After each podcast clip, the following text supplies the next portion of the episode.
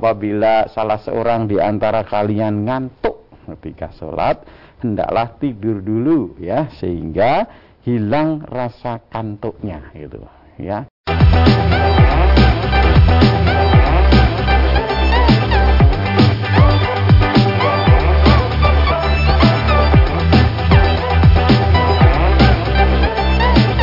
Bismillahirrahmanirrahim. Assalamualaikum warahmatullahi wabarakatuh. Saudara pemirsa channel terpilih Anta TV di mana pun Anda berada Puji syukur Alhamdulillah Senantiasa kita panjatkan kehadirat ilahi Rabbi Allah subhanahu wa ta'ala Atas kenap karunia nikmat dan juga rahmatnya untuk kita semua Di perjumpaan awal aktivitas pagi hari ini. Kita jumpa kembali di program unggulan Fajar Hidayah.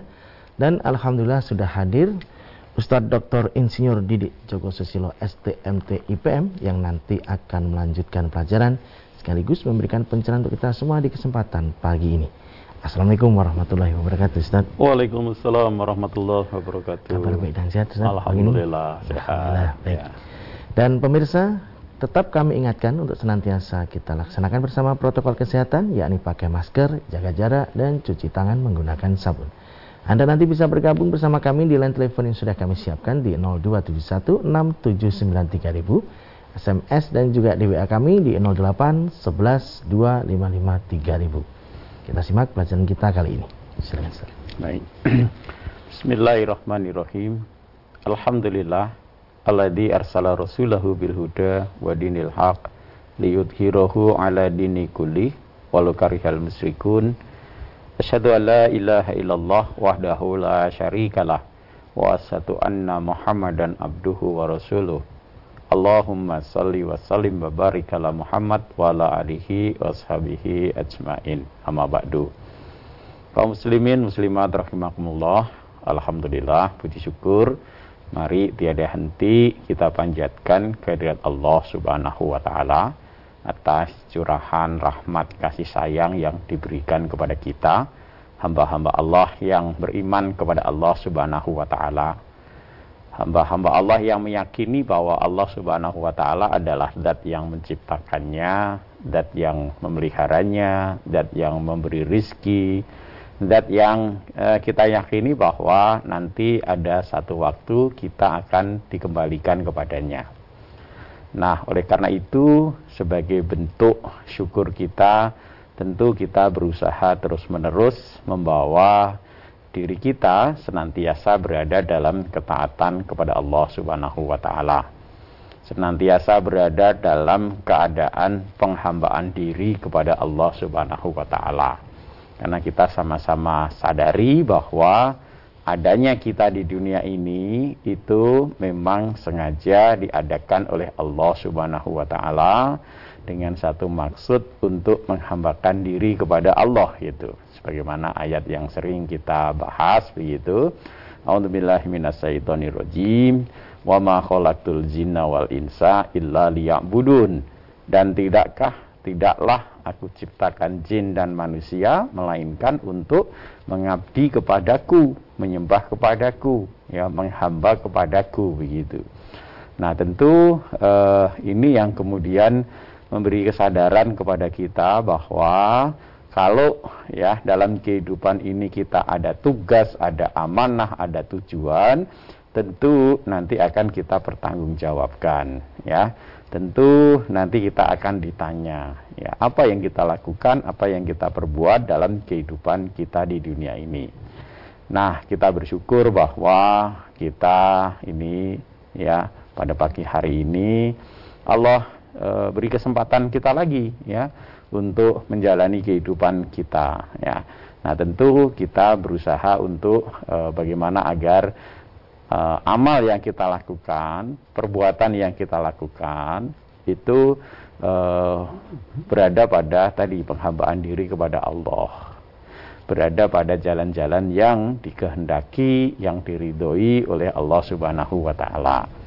Pada saat yang sama kita berusaha untuk menjauhkan diri, menghindarkan diri ya, jangan sampai melakukan Eh, perbuatan-perbuatan yang dilarang oleh Allah Subhanahu wa taala. Nah, tentu ini perlu ilmu, tentu ini perlu pengetahuan gitu. Pengetahuan kita, ilmu kita tentang apa yang diperintahkan oleh Allah Subhanahu wa taala, apa yang dilarang oleh Allah Subhanahu wa taala. Sehingga nanti kita tidak salah begitu. Kita eh, kadang-kadang melakukan satu perbuatan, satu amal yang kemudian kita sukai perbuatan itu, kita eh, senang dengan perbuatan itu, tetapi jangan-jangan ini satu hal yang dilarang, dibenci oleh Allah Subhanahu wa taala gitu. Nah, maka tentu tadi perlu ilmu, perlu belajar. Nah, alhamdulillah salah satunya adalah ya, melalui acara kita ini ya Fajar Hidayah kita belajar apa yang e, diperintahkan oleh Allah Subhanahu wa taala. Tentu ketika kita belajar tentang apa yang diperintahkan oleh Allah Subhanahu wa taala, kita akan belajar tentang firman Allah Subhanahu wa taala, Al-Qur'anil Karim. Karena memang Allah berikan e, perintah-perintahnya, petunjuk-petunjuknya melalui kalamullah. Nah, Tentu kemudian ketika kita belajar tentang Al-Quran ini, kalau Allah ini kita tidak bisa lepaskan dari sunnah Rasulullah Sallallahu Alaihi Wasallam. Karena sebagaimana kita ketahui bahwa Allah menurunkan ya, firman-Nya ini uh, melalui utusannya ya melalui malaikat Jibril yang disampaikan kepada Rasulnya Nabi Muhammad Sallallahu Alaihi Wasallam. Maka ini menjadi satu uh, ya bahasa satu paket lah ya ketika kita uh, mengimani Al-Quran tentu di sana kita meyakini tentang Rasulullah Sallallahu Alaihi Wasallam. Tidak bisa kemudian uh, kita oh, saya mau pakai Quran saja tidak mau pakai Sunnah Rasul ya tentu tidak bisa gitu. Nah maka uh, mari kita uh, bersama-sama memanfaatkan nikmat yang Allah berikan ini sebagai bentuk kesyukuran kita terus menerus menelaah ya mengkaji, memahami uh, apa yang diperintahkan oleh Allah Subhanahu wa taala sehingga kemudian kita mengerti. Nah, setelah mengerti, tentu kemudian kita akan beramal tentu ya, beramal karena kalau mengerti tapi tidak beramal itu juga nanti rugi kita ya. Sia-sia kita gitu loh. Sudah tahu ini jalan yang mendekatkan kita kepada Allah sudah tahu bahwa ini jalan yang menyebabkan kecintaan Allah Subhanahu wa taala tetapi tidak mau menempuh. Ya tentu kita tidak akan dapat kecintaan Allah gitu. Tentu kita tidak akan dapat rahmat kasih sayang Allah gitu loh. Karena kita misalkan oh ini loh yang menyebabkan Allah suka Allah cinta. Oh ini yang menyebabkan uh, Allah menurunkan rahmatnya. Tahu kita ilmunya tetapi tidak mau melakukannya gitu. Kalau tidak mau ya cintanya Allah, rahmatnya Allah ya tidak akan diberikan pada kita. Sebaliknya kita tahu ini jalan yang mendapatkan murkanya Allah gitu kan. Ini jalan yang e, menyebabkan e, kemurkaan Allah tetapi kemudian kita lakukan gitu. Nah, kalau itu dilakukan ya kemurkaan Allah nanti yang kita dapat gitu. Nah, baik e, para pemirsa MTA TV, pendengar radio Bersada FM, kita akan lanjutkan lagi uh, bahasan kita yang lalu ya. Di bahasan yang lalu kita sudah uh, angkat ya bahwa salah satu perintah Allah Subhanahu wa taala, salah satu jalan yang menyebabkan kita eh, dicintai oleh Allah, dihapus dosa-dosa kita, kesalahan kita adalah kita menunaikan salah satu perintah Allah tentang sholat itu. Nah, ketika kita melakukan syariat Allah ini, sholat ini, Nah, tentu kita harus uh, apa namanya uh, berikan atau kita fokuskan gitu ya uh, pikiran kita, aktivitas kita pada kegiatan itu ya. Jadi kalau kita ingin mendapatkan betul-betul manfaat, betul-betul apa nilai dari sholat itu yang dalam ayat lain dikatakan eh, inna solata tanha anil fahsyai wal mungkar gitu bahwa sesungguhnya eh, solat itu dapat mencegah seseorang dari melakukan perbuatan keji dan mungkar maka kita harus betul-betul maknai solat kita gitu. Kita betul-betul sungguh-sungguh dalam solat kita. Uh, maka yang kemarin kita bahas di Quran Surat Al-Baqarah ayat 238 Allah perintahkan kepada kita waqumu lillahi konitin dan dirikanlah sholat ya. Dan e, berdirilah untuk Allah. Ini sholat itu konitin dengan husuk gitu. Maka kemarin sudah kita sampaikan bahwa eh, dahulu para sahabat itu biasa ketika sholat itu masih berbicara begitu. Ketika sholat itu masih berbicara dengan sebelahnya begitu. Nah maka ketika kemudian turun ayat ini para sahabat diperintahkan untuk diam ya ketika sholat itu. Tidak boleh bicara gitu Nah termasuk dalam riwayat juga disebutkan dulu Nabi Shallallahu Alaihi Wasallam itu eh, ketika sedang sholat diberi salam itu tadinya dijawab begitu uh, dijawab. Jadi sebelum uh, sahabat uh, apa namanya hijrah ke Habasyah itu uh, kalau Nabi SAW uh, sedang sholat diberi salam itu dijawab. Tapi setelah para sahabat pulang dari uh, hijrah Habasyah itu ketika Nabi sedang sholat diberi uh, salam itu tidak dijawab oleh beliau begitu. Tidak dijawab. Nah kemudian uh, sahabat uh, bertanya ya. Ya Rasulullah dulu ketika kami memberi salam ya engkau jawab begitu uh, tetapi sekarang kok tidak begitu. Maka Rasulullah SAW sampaikan ya sesungguhnya di dalam sholat itu ada pekerjaan ya. Ada sesuatu hal yang harus dikonsentrasikan satu hal yang harus diselesaikan. Nggak bisa di, kemudian disambil dengan yang lain-lain dengan oleh dengan berbicara dengan uh, apa namanya uh, menjawab salam termasuk begitu kan gitu ya maka dikatakan oleh uh, beliau ya uh, innahu lam ya'nani an arudda alaika illa ani kuntu usolli itu sesungguhnya tidak ada yang menghalangiku untuk menjawab salammu kecuali uh, karena aku sedang sholat gitu. Nah dari sini tentu kemudian uh, kita ya mari betul-betul uh, perhatikan ketika kita uh, sholat begitu betul-betul kita bawa diri kita itu uh, saya akan sholat saya akan menghadap Allah subhanahu wa taala begitu. Sehingga hal-hal yang mungkin mengganggu sholat kita ya kita selesaikan dulu kita uh, apa namanya kita persiapkan uh, betul begitu Nah, maka dalam eh, riwayat yang lain ya eh, kaitannya dengan sholat itu, nah ketika kita akan sholat kemudian eh, ngantuk itu ya kadang-kadang eh, mungkin karena capek karena apa begitu ya, eh, ketika kita mungkin sholat yang di waktu malam atau pagi hari begitu itu, eh, ketika ngantuk itu pun Rasulullah SAW eh, perintahkan kita untuk hilangkan kantuknya dulu gitu ya. Kalau hilang kantuknya dengan tidur, ya tidur dulu begitu seperti itu. Dalam sebuah hadis riwayat uh, Muslim disebutkan dari Aisyah ya radhiyallahu anha, anna Nabiya sallallahu alaihi wasallam qala idza na'asa ahadukum fis salati fal yarqut hatta yadhaba anhun naum gitu ya. Apabila salah seorang di antara kalian ngantuk ketika sholat, hendaklah tidur dulu ya sehingga hilang rasa kantuknya gitu ya. Sehingga hilang rasa kantuknya. Artinya apa? Ketika kita sholat itu ya jangan sambil ngantuk gitu kan ya. Ketika sholat itu betul-betul kita uh, menghadap uh, Allah Subhanahu Wa Taala gitu. Makanya dijaga betul-betul dalam keadaan sadar, betul-betul dalam e, keadaan karena apa? Karena di dalam sholat itu ada banyak doa, banyak permohonan kita kepada Allah Subhanahu wa taala, banyak pujian kita kepada Allah begitu.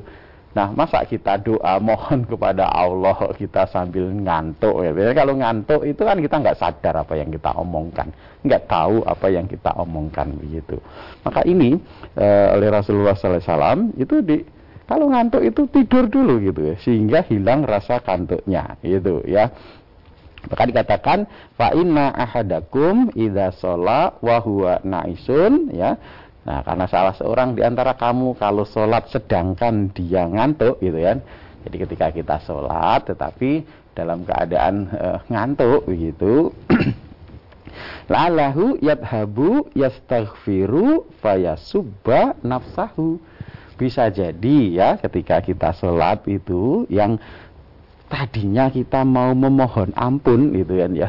Tadinya dalam sholat itu kita mohon ampun kepada Allah Subhanahu Wa Taala ya, tapi padahal dia mencaci dirinya sendiri begitu ya di hadis riwayat Muslim. Jadi mari ya kita uh, dari pelajaran e, ini ya memang ketika kita sholat ya betul-betul kita fokuskan untuk sholat. Betul-betul kita sadarkan diri kita.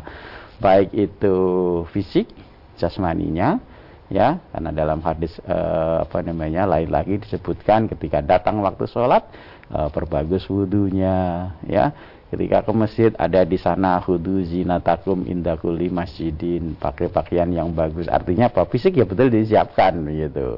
Nah kemudian yang uh, uh, ruhnya ya kesadarannya akalnya juga disiapkan sehingga tadi tidak ngantuk gitu kan ya. Betul-betul kita sadarkan diri kita bahwa uh, kita akan menghadap Allah Subhanahu wa taala. Nah, dalam uh, riwayat lain ada ketika Rasulullah Shallallahu Alaihi Wasallam itu masuk ke masjid di situ itu ada tali ya. Ada tali di antara dua tiang gitu. Nah, Rasulullah bertanya ini ya ini kok ada tali dalam masjid itu? Ada apa? Begitu. Nah dijawab oleh para sahabat ya Qalu li Zainaba tusolli gitu. Jadi tali itu digunakan oleh uh, salah seorang uh, sahabat Zainab ya. Jadi itu kepunyaan Zainab untuk sholat lu. Sholat kok pakai tali? Ya, itu ada apa begitu. Maka dikatakan faida kasilat au fatarot amsakat bihi ya. Apabila ia lelah atau loyo, ia berpegangan kepadanya gitu. Jadi ketika sholat eh, capek gitu ya, ngantuk ini ya tali ini digunakan untuk eh, bantuan berpegangan. Artinya apa? Sholat sambil ngantuk gitu misalkan sambil eh, bahasa Jawanya teklak tekluk gitu seperti itu biar gak jatuh ya, berpegangan gitu. Nah, maka beliau sallallahu alaihi wasallam e, bersabda, "Huluhu liyusolli." Gitu. Ya, huluhu liyusolli ahadukum nash e, nasyatahu gitu kan. Maka lepaslah, lepaskanlah ya, lepaskan.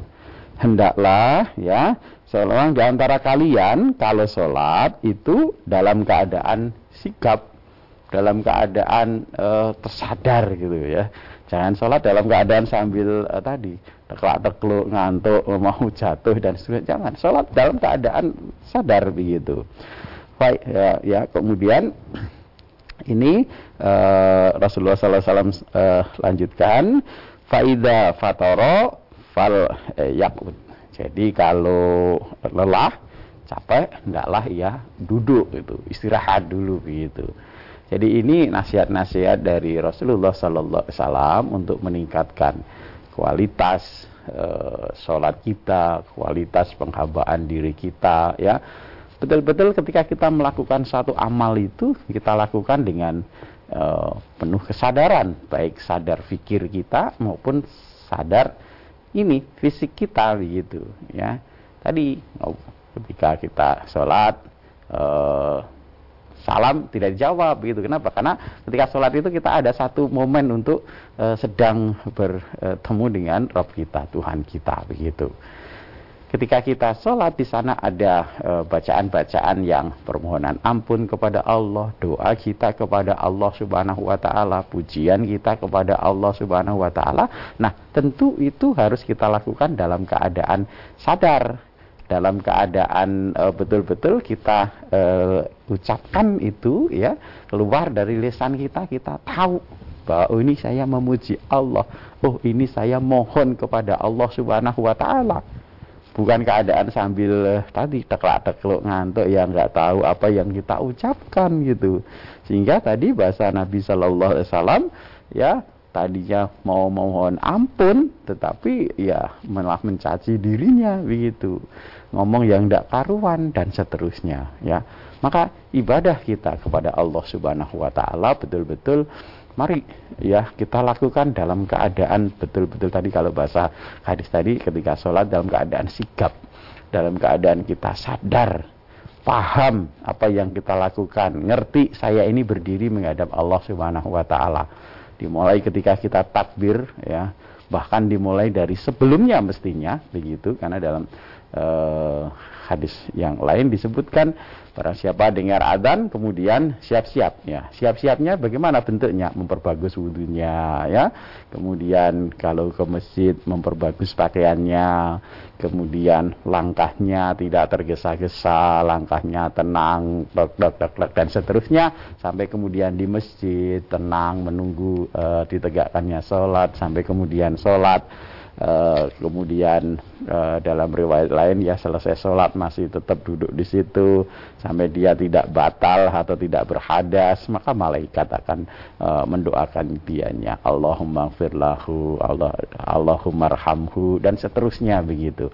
Nah ini tentu hal-hal yang harus kita perhatikan manakala kita ingin betul-betul penghambaan diri kita kepada Allah Subhanahu wa taala itu uh, mencapai kualitas yang baik. Nah dengan demikian kan kalau kita sadar uh, lakukan sholat itu untuk Allah Subhanahu Wa Taala maka nanti insya Allah uh, hikmah sholat yang uh, di tadi saya sampaikan inas sholat tanha anil faksai wal mungkar bisa kita raih gitu. Karena begitu kita ketika sholat itu uh, awarenessnya kesadaran kita kuat maka ketika mungkin selesai sholat ada ajaan, ada hasungan untuk melakukan satu perbuatan maksiat itu bisa terkendali gitu.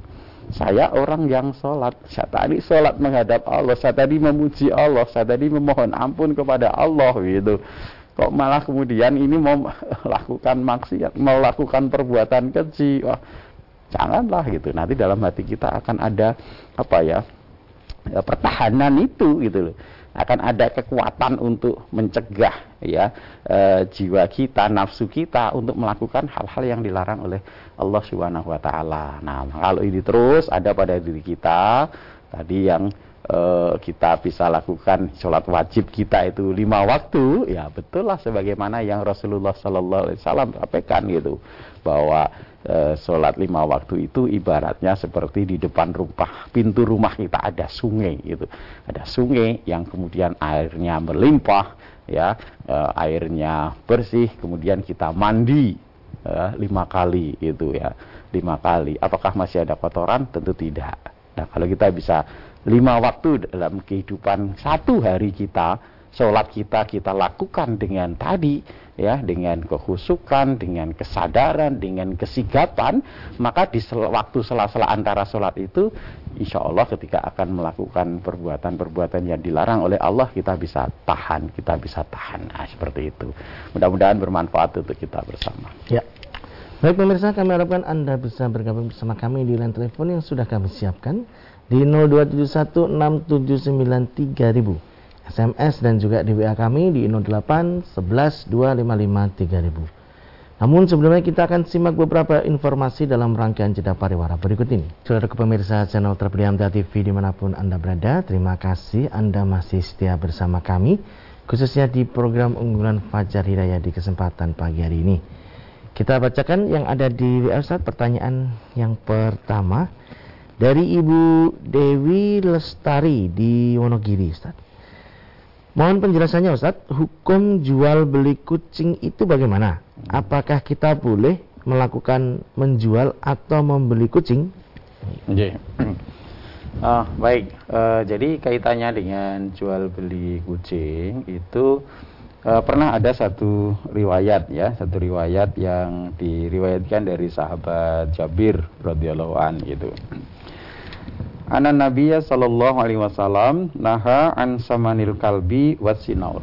Jadi sahabat uh, Jabir ini pernah meriwayatkan bahwa Rasulullah sallallahu alaihi wasallam itu pernah melarang gitu ya. Nahan Nabi sallallahu alaihi wasallam ya, Nabi melarang ya uh, dari uh, mengambil hasil penjualan anjing dan kucing gitu. Jadi Hadis riwayat Abu Daud, Nasai, Ibnu Majah, Tirmidzi, nah gitu. Jadi dilarang ini, dilarang uh, di, berdasarkan riwayat ini. Nah, maka ada suatu ketika ada sahabat yang uh, bertanya kepada uh, beliau ya, ada yang bertanya kepada sahabat Jabir ini bagaimana tentang penjualan hasil dan kucing. Maka uh, sahabat Jabir katakan zajaran Nabi sallallahu alaihi wasallam andalika. Artinya Rasulullah SAW melarang dengan keras tentang hal ini begitu.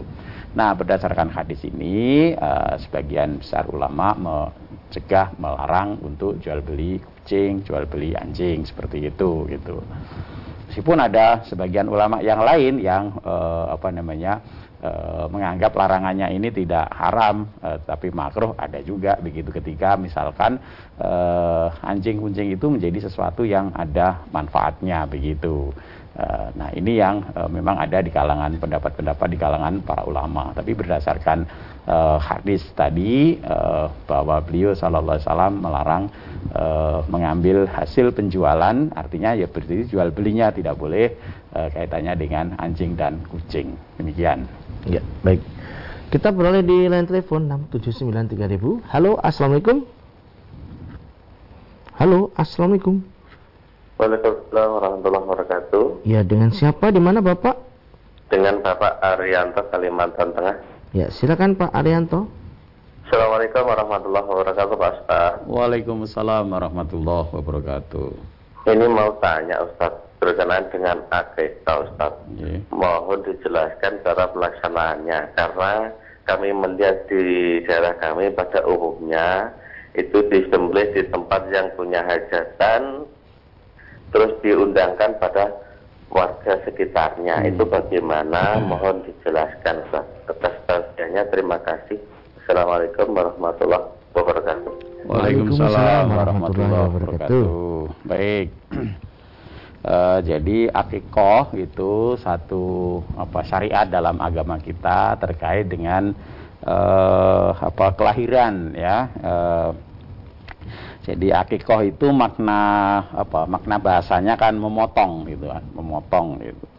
Artinya ada tuntunan untuk memotong uh, hewan gitu hewan yang terkait dengan uh, sembelihan apa terkait dengan kelahiran gitu.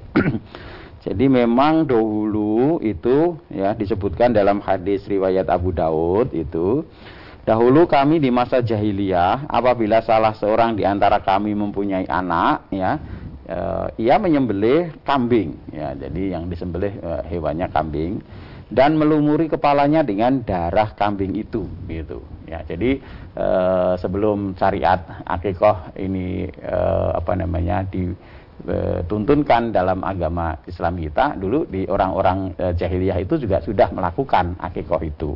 Yaitu dia menyembelih kambing kemudian melumuri kepalanya dengan darah kambing. Jadi darahnya itu dilumurkan di kepala si bayi begitu. Maka setelah Allah mendatangkan Islam jadi e, setelah syariat Islam ada, maka kami menyembelih kambing. Nyembelihnya tetap ya, menyembelih kambingnya tetap. Kemudian mencukur atau menggunduli kepala si bayi uh, dan melumurinya dengan minyak wangi gitu. Jadi uh, akikoh itu uh, apa namanya? Namanya itu Eh, tetap di, di, di apa namanya itu kan bud kultur budaya yang kemudian di, e, dibersihkan dalam syariat agama kita. Karena agama kita itu e, ruhnya jiwanya kebersihan. Jadi yang kotor-kotor yang tidak baik baik itu tentang akidah ataupun tentang syariat mesti diluruskan dibersihkan. Nah jadi kalau dulu jahiliyah itu e, nyembelih kambing kemudian darahnya dilumurkan di kepala bayi, maka kemudian sekarang sembelih kambingnya tetap ya, kemudian kepala bayinya rambutnya dicukur dan dibersihkan atau dilumuri dengan e, minyak wangi begitu ya. Nah, dalam riwayat yang lain dari Aisyah ia berkata, Dahulu orang-orang pada masa jahiliyah apabila mereka berakikoh untuk seorang bayi, mereka melumuri kapas dengan darah akikoh ya. Darah akikoh artinya darah e, kambing yang disembelih tadi. Lalu ketika mencukur rambut si bayi, mereka melumurkan pada kepalanya. Kepalanya dilumuri dengan e, darah tadi yang tidak ditaruh di kapas tadi. Maka Nabi Shallallahu Alaihi Wasallam bersabda, gantilah darah itu dengan minyak wangi gitu. Maka kemudian dalam agama kita ada syariat akikoh gitu. Nah akikoh berdasarkan hadis-hadis yang uh, sahih itu ya itu dilaksanakan pada hari ketujuh ya dilaksanakan pada hari ketujuh sejak kelahiran si bayi Nah, ngitungnya berdasarkan eh, apa namanya komariah ya. Artinya eh, batasnya kan ketika maghrib itu kita mulai masuk hari pertama begitu. Nah, maka setelah hari ketujuh eh, disembelih untuk anak laki-laki dua ekor kambing, untuk anak perempuan satu ekor kambing. Kemudian eh, setelah disembelih dibagi-bagikan ya daging-dagingnya dibagikan ya seperti kurban itu seperti itu tempat penyembelihannya di mana? Ya di mana saja tidak masalah ya. Artinya misalkan di rumah kita yang saya misalnya rumah saya yang eh, saya punya anak begitu eh, lahiran anak itu di rumah saya disembelih. Kalau tempat saya memungkinkan ya tidak. Mengapa disembelih di tempat saya? Disembelih di situ kemudian di apa tentu setelah disembelih tidak kemudian dibiarkan gitu kan ya. Tentu dikuliti dan seterusnya uh, dagingnya uh, dibagi-bagikan kepada uh, tetangga sedekat. Digunakan untuk memberi makan keluarga kita dan seterusnya. Ada masalah lah kita kita bagi-bagikan gitu. Nah, kemudian untuk bayinya tadi ya dicukur rambutnya, kemudian diberi nama gitu, diberi nama pada hari ketujuh itu. Jadi e, memang ini ibadah gitu ya. Artinya ketika kita e, mendapat karunia anak ini tuntunannya kita bersedekah ya. Kita bersedekah. Salah satu bentuknya adalah akikoh ini gitu. E, kambing kita nyembelih kambing dua ekor untuk anak laki-laki satu ekor untuk anak perempuan kemudian daging kambingnya kita bagikan pada saudara-saudara kita sehingga semuanya uh, apa menikmati begitu semuanya dengan uh, apa uh, rahmat dengan rezeki yang Allah berikan dengan kelahiran tadi wujud syukurnya taat kepada Allah. Taatnya bagaimana? Kita bersedekah dalam bentuk makanan uh, daging kambing tadi. Seperti itu Bapak. Ya baik. Kita lanjutkan pertanyaan berikutnya Ustaz yang ada di WA kali ini dari Bapak Wahyu di Cepu Ustaz Ustadz, profesi saya di Jakarta itu sebagai petugas kebersihan. Nah, apakah pekerjaan itu mulia Ustadz? Karena di mata orang pekerjaan seperti itu sangatlah hina. Dan saya kadang menemukan barang seperti emas, HP bekas dan yang lain-lain. Kalau barang-barang tersebut langsung saya jual, bagaimana hasilnya Ustadz? Apakah halal atau tidak? Demikian. Oh, yeah. Jadi tentang apa mulia tidaknya pekerjaan nanti kita ngukurnya tidak mengikut pandangan orang tidak mengikut pandangan manusia begitu.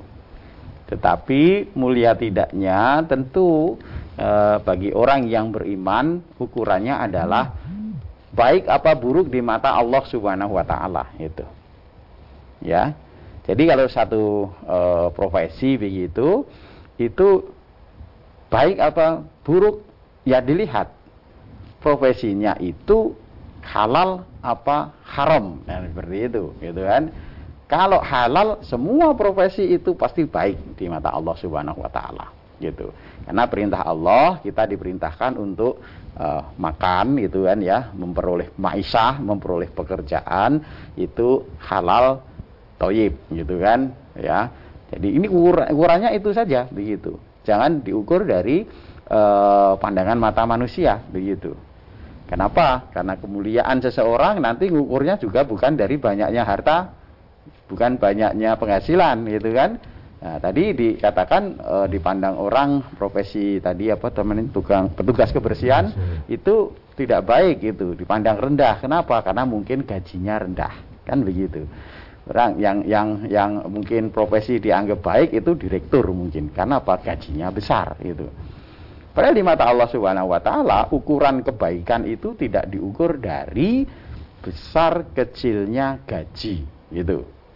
Nah, maka inilah keadilan Allah Subhanahu wa taala bahwa semua hamba Allah apa pun profesinya diberi kesempatan yang sama untuk mencapai kemuliaan di sisi Allah. Karena kemuliaan di sisi Allah tidak diberikan atau tidak diukur dari banyaknya harta, tingginya kedudukan, ya, e, bagusnya mobil, bagusnya rumah kita, tidak. Allah sudah tetapkan inna akramakum indallahi atqakum sesungguhnya yang paling mulia di sisi Allah Subhanahu wa taala adalah yang paling bertakwa gitu maka apa pun profesi kita mengukur kita ini baik apa tidak gitu kan kita ini mulia apa tidak itu apakah kita bisa menjalankan ketaatan-ketaatan kepada Allah Subhanahu wa taala atau tidak gitu. Kalau itu bisa kita lakukan, maka meskipun petugas kebersihan yang gajinya kecil, gajinya sedikit, tapi dia tetap taat, tetap syukur kepada Allah Subhanahu wa taala, tidak Rasulullah ya, tidak apa namanya berangan-angan yang neko-neko, tetap jujur begitu, insya Allah mulia di sisi Allah Subhanahu wa taala. Salah satu bentuk kejujurannya adalah tadi nemu barang e, macam-macam tadi, ada handphone, ada emas, ada apa. Artinya nemu barang itu di dalam syariat agama kita ada juga tuntunannya itu. Tidak boleh nemu barang kemudian langsung dijual, dipakai, tidak boleh gitu.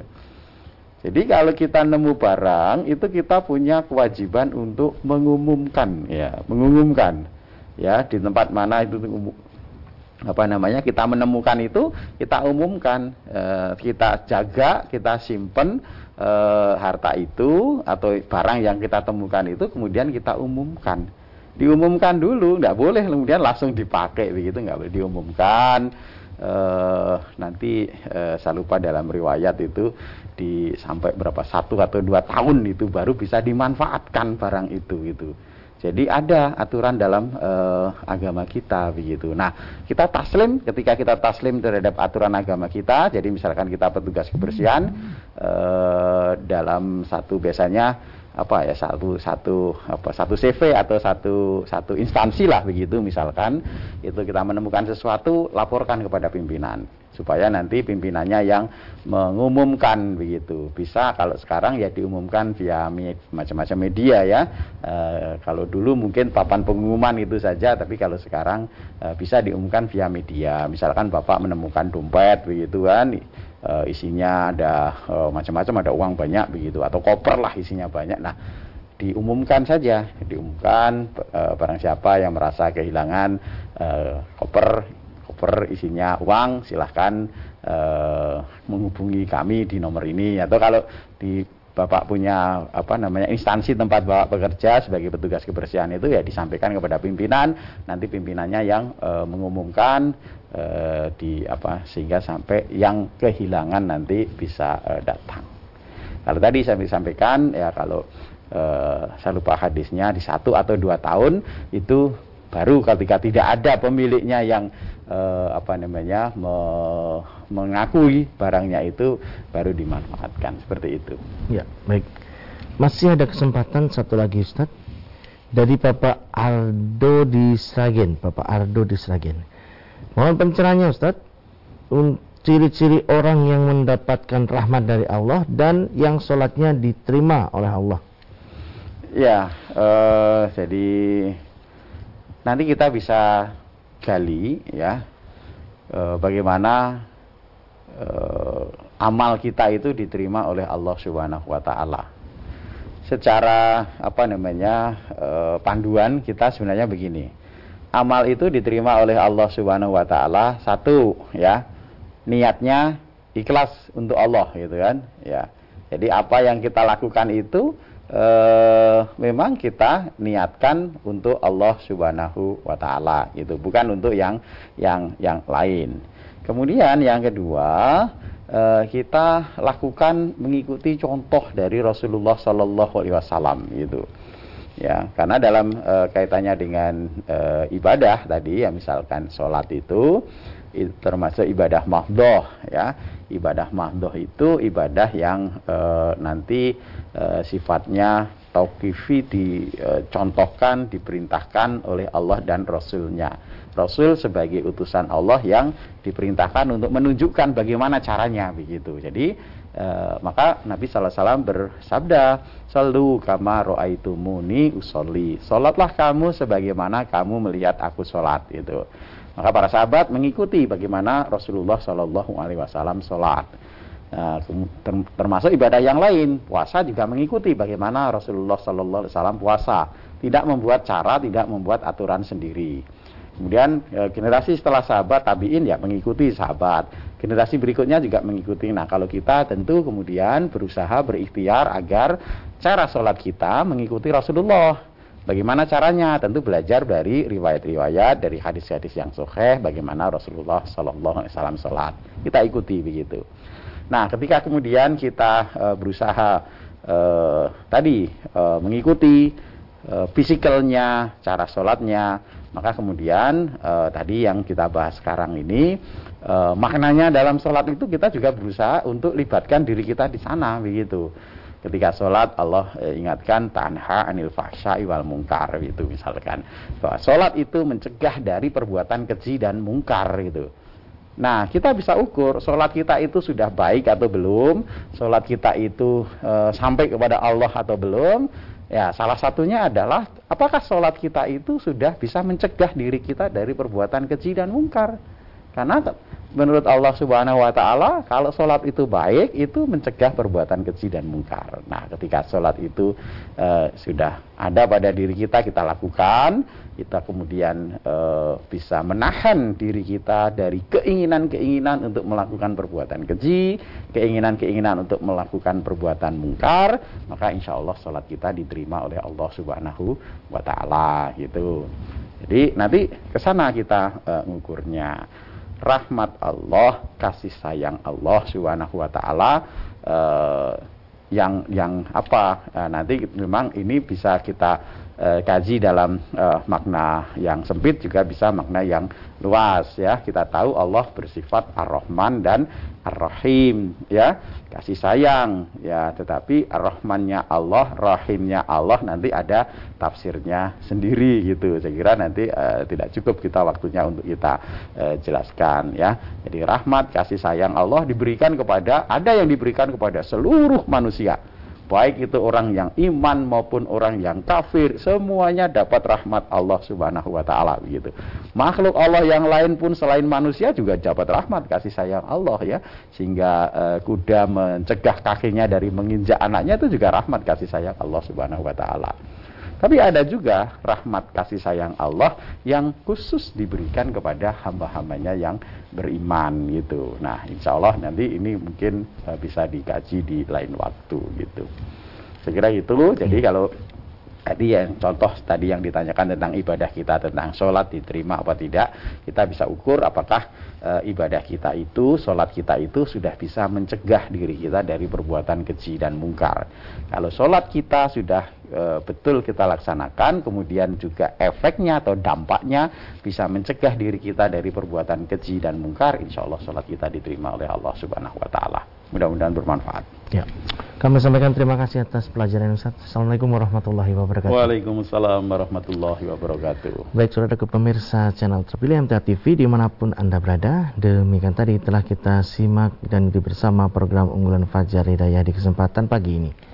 Dan kembali tetap kami ingatkan untuk senantiasa kita laksanakan bersama protokol kesehatan, yakni pakai masker, jaga jarak, dan cuci tangan menggunakan sabun.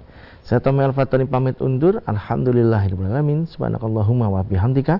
Asyhadu an la anta astaghfiruka wa atubu. Assalamualaikum warahmatullahi wabarakatuh.